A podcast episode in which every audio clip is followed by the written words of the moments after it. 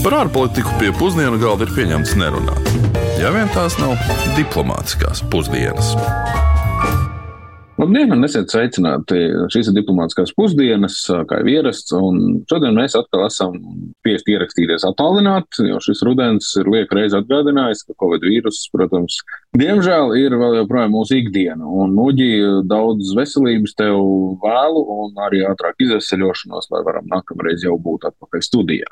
Jā, paldies, un var teikt, ka esmu jau pilnībā uz kājām. Savukārt tevi, Kārlis, vēlos apsveikt ar oficiāli jauniem pienākumiem un Latvijas ārpolitikas institūta direktora amatu.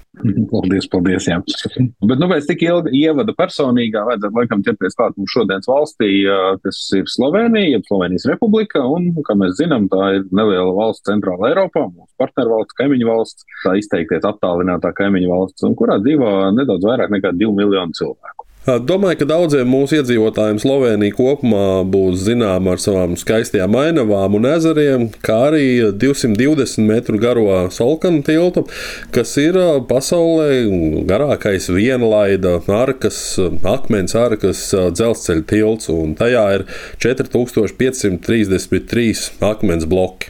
Jā, nu šo tiltu noteikti daudz ir redzējuši arī uh, filmās, lai kāda Slovenija rādīts, tad diezgan bieži ir figurējis. Tomēr mazāk zināms fakts ir tas, ka Slovenijas valsts teritorija atgādina vistu. Nu, paši Slovēņi bieži vien min, ka viņu valsts forma izskatās pēc vistas, un apskatoties arī valsts kontūru kārtu, jūs tiešām šajā gadījumā to līdzību varat absolūti saskatīt. Un, starp citu, vēl viens interesants un saskatāms fakts ir tas, ka Slovenijā ir viena no lielākajām brūno lāču populācijām Eiropā, un tieši tādēļ Tādēļ, ja pasaulē ir slavenas, piemēram, vaļu vērošanas ekskursijas, tad Slovenijā var doties vērot arī lāčus un tas valsts mežos vaļu vērošanas, fotomedīšanas ekskursijās esmu bijis, laikam, aizdoties arī uz Sloveniju lāčus, pavērot, mums jau pašiem arī savu pietiek. Tāpēc ir tikai loģiski, ka tur, kur ir lāči, nu, tur jābūt arī bitēm, domāju. Un uh, nevēl Slovenija Eiropā ir pazīstama kā biškopības sirds un dvēsele. Un biškopība tiešām ir svarīga Slovenijas kultūras un tradīcijas sastāvdaļa, un uh, faktiski viens no 200 cilvēkiem Slovenijā ir biškopis. Bet tagad pajautāsim, ko tad par Sloveniju zina mūsu iedzīvotāji šeit pat Rīgas ielās. Ko jums asociējas Slovenija? Ar uh, kalniem, Bratislavu un ar to, kas viņu jauc ar Slovākiju. Tā ir slāva valsts, tur ir skaista daba. Es esmu braucis cauri Slovenijai. Vairāk laikam nekas tāds īpašs. Nu, tepat ar kaimiņiem pa ceļam uz Rietumu Eiropu. Kalni Slovenijā ir kalni, ja nemaldos. Jā. Nu, hokejs bija Slovākija, Slovenija, jā, hokejs. Un, nu, tā ir, kā saka, slāvu valsts. Nē, esmu Slovenijā bijusi, bet pierobežā, jā. Mani neaizrauj tās valstis. Man interesētu vēl Eiropas valstis, kurās neesmu bijusi, un, un drusku tālāk varbūt. Brīnišķīgas esmu bijis ceļojumā. Nu, Sakopta, skaista daba, cilvēki viesmīlīgi. Valoda man ir zināma, nu, līdzīgi krievu valodu viņi labi saprot. Īpaši ne ar ko. Tā nav. Nu, Eiropas Savienībā droši vien ir. Mm -hmm. Ja? Uh, alus, skaisti kalni, krāšņi tautas stērpi, smaidīgi. Cik es zinu, arī viņiem ļoti patīk gatavot ēst. Esmu strādājis kopā ar kolēģi, kas ir bijis no Slovānijas, man bija tāds priekšstats, ka viņai ir tādas nu, mājasaimnieces dotības, ļoti labi patika gatavot. Slovenija ir pazīstama kā valsts ar ļoti strauju izaugsmi un savu veiksmes stāstu. Uzsākot savu pārejas periodu, tā kļuva par visplaukstošāko valsti postsocialistiskajā telpā. Turklāt tā ir spējusi šo pozīciju noturēt arī neskatoties uz dažādajām ekonomiskajām krīzēm. Nu, mazās valsts vēsturē pēc neatkarības atgūšana ir bijusi virkne, teiksim, tā varētu tā nosaukt pirmreizēju notikumu. Nu, tā bija pirmā Dienvidu Austrum Eiropas valsts, kas pievienojas Eiropas Savienībai 2004. gadā gadā kopā ar mums.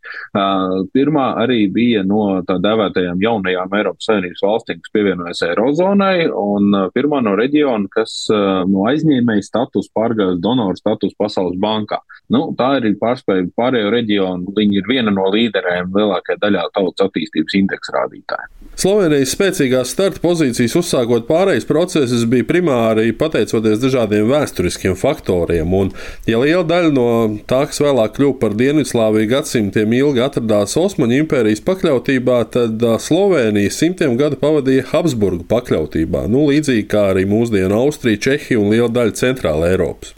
Jā, nu, papildus pēc otrā pasaules kara Dienvidslāvijā, tāpat kā pārējā centrālajā dienvidu austrumu un austrumu Eiropā, tika izveidotas nu, šīs sociālistiskās uh, valdības. Tomēr pēc Dienvidslāvijas slavenā līdera Josipa Broz Tito atsvešināšanās no Maskavas, uh, atstājot Dienvidslāviju kā vienu no vadošajām nesaistītajām valstīm augstā kara laikā, nu, federācijas ietvaros varēja brīvi īstenot savu ekonomikas politiku, nu, relatīvi brīvi.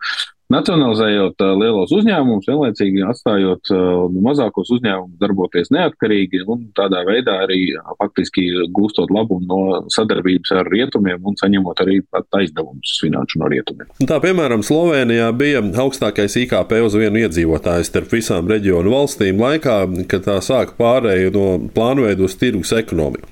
Iemesli daļai bija saistīti ar bijušās Dienvidslāvijas specifiku kopumā un daļai arī ar Slovenijas specifiku specifiku Dienvidslāvijas sastāvā.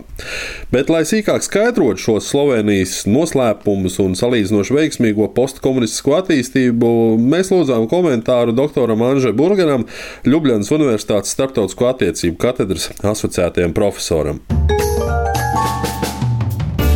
I think that additional three reasons or key characteristics of transition process in Slovenia. Es gribētu minēt trīs pārējais procesa pazīmes, kas atšķir Sloveniju no citām pārējais valstīm. Pirmkārt, Slovenija deva priekšroku pakāpeniskai pieejai, kamēr citas izvēlējās lielo banku pieeju. Slovenija papildus īstenoja arī pāreju no reģionālas uz nacionālo ekonomiku, tāpēc tai kļūstot par neatkarīgu valsti, bija jāizveido vairākas pilnīgi jaunas institūcijas. Un treškārt, Slovenija no bijušās Dienvidslāvijas mantoja unikālu uzņēmumu, īpašumtiesību struktūru un pašpārvaldi. Pretstatā citām pārējās ekonomikām, pārējās procesus nevadīja valsts, jo mums jau bija spēcīga tā dēvētā kvazi tirgus sistēma. Mums jau 80. gados bija relatīvi neatkarīga uzņēmumu vadība, kura jau tolaik bija lielā mērā atbildīga par uzņēmumu vadību. Un tas bija atšķirīgi no citām plānveida ekonomikām. Tieši tāpēc Slovenija daudz ātrāk tika pakļauta konkurencei nekā citas pārējās ekonomikas. Šādai pakāpeniskai pārējai ir arī sava cena. Tā piemēram, bijušās Slovenijas elites ne tikai gaidīja pārēju, bet vēl Dienvidslāvijas laikā ierosināja izmaiņas, kas nākotnē ietekmētu arī viņu pašu pozīciju sabiedrībā un ekonomikā.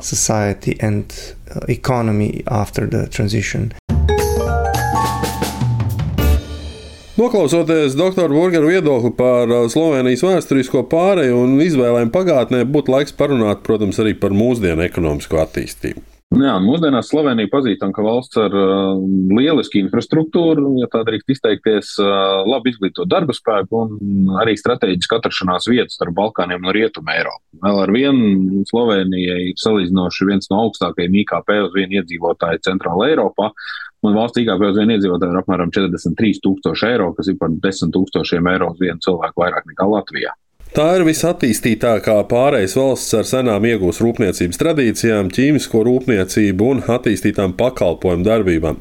Nu, tomēr mūsdienās tādas nozares kā lauksaimniecība, mežsaimniecība, arī zivsaimniecība veido salīdzinoši zemus, vien aptuveni 2,5% no IKP un nodarbina arī tikai 6% iedzīvotāju. Nē, nu, pamatā Slovenijas tirzniecība ir orientēta uz citām Eiropas Savienības valstīm, diezgan dabiski, galvenokārt uz Vāciju un, protams, netālu esošo Itāliju.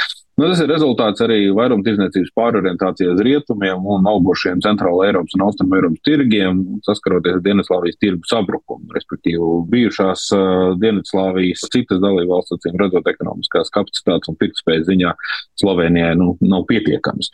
Un, uh, attiecīgi, nu, rezultātā Slovenijas ekonomika ir ļoti atkarīga no ārējās tirdzniecības un primārajā Eiropas Savienības. Nu, skatoties tādā plašākā bildē, tad Slovenijā ir augsts izglītots darba spēks labi attīstīta infrastruktūra, un tā atrodas arī galvenajā transporta krustojumā reģionā. Tādēļ, nestoties uz to, ka ārvalstu tiešo investīciju līmenis ir viens no zemākajiem pēdējos gados, tas tomēr nepārtraukti pieaug. Tas ir interesanti, tad uh, Eiropas Savienības pievienošanās sarunu laikā Slovenija uh, uzstāja uz daudzām atkāpēm, nu, atsakoties atvērt atsevišķu galvenās ekonomikas nozares pilnai konkurencē. Nu, mēs varam zināt, ka šo pārējais posmu pieprasīšana ir bijusi un joprojām ir diezgan populāra parādība.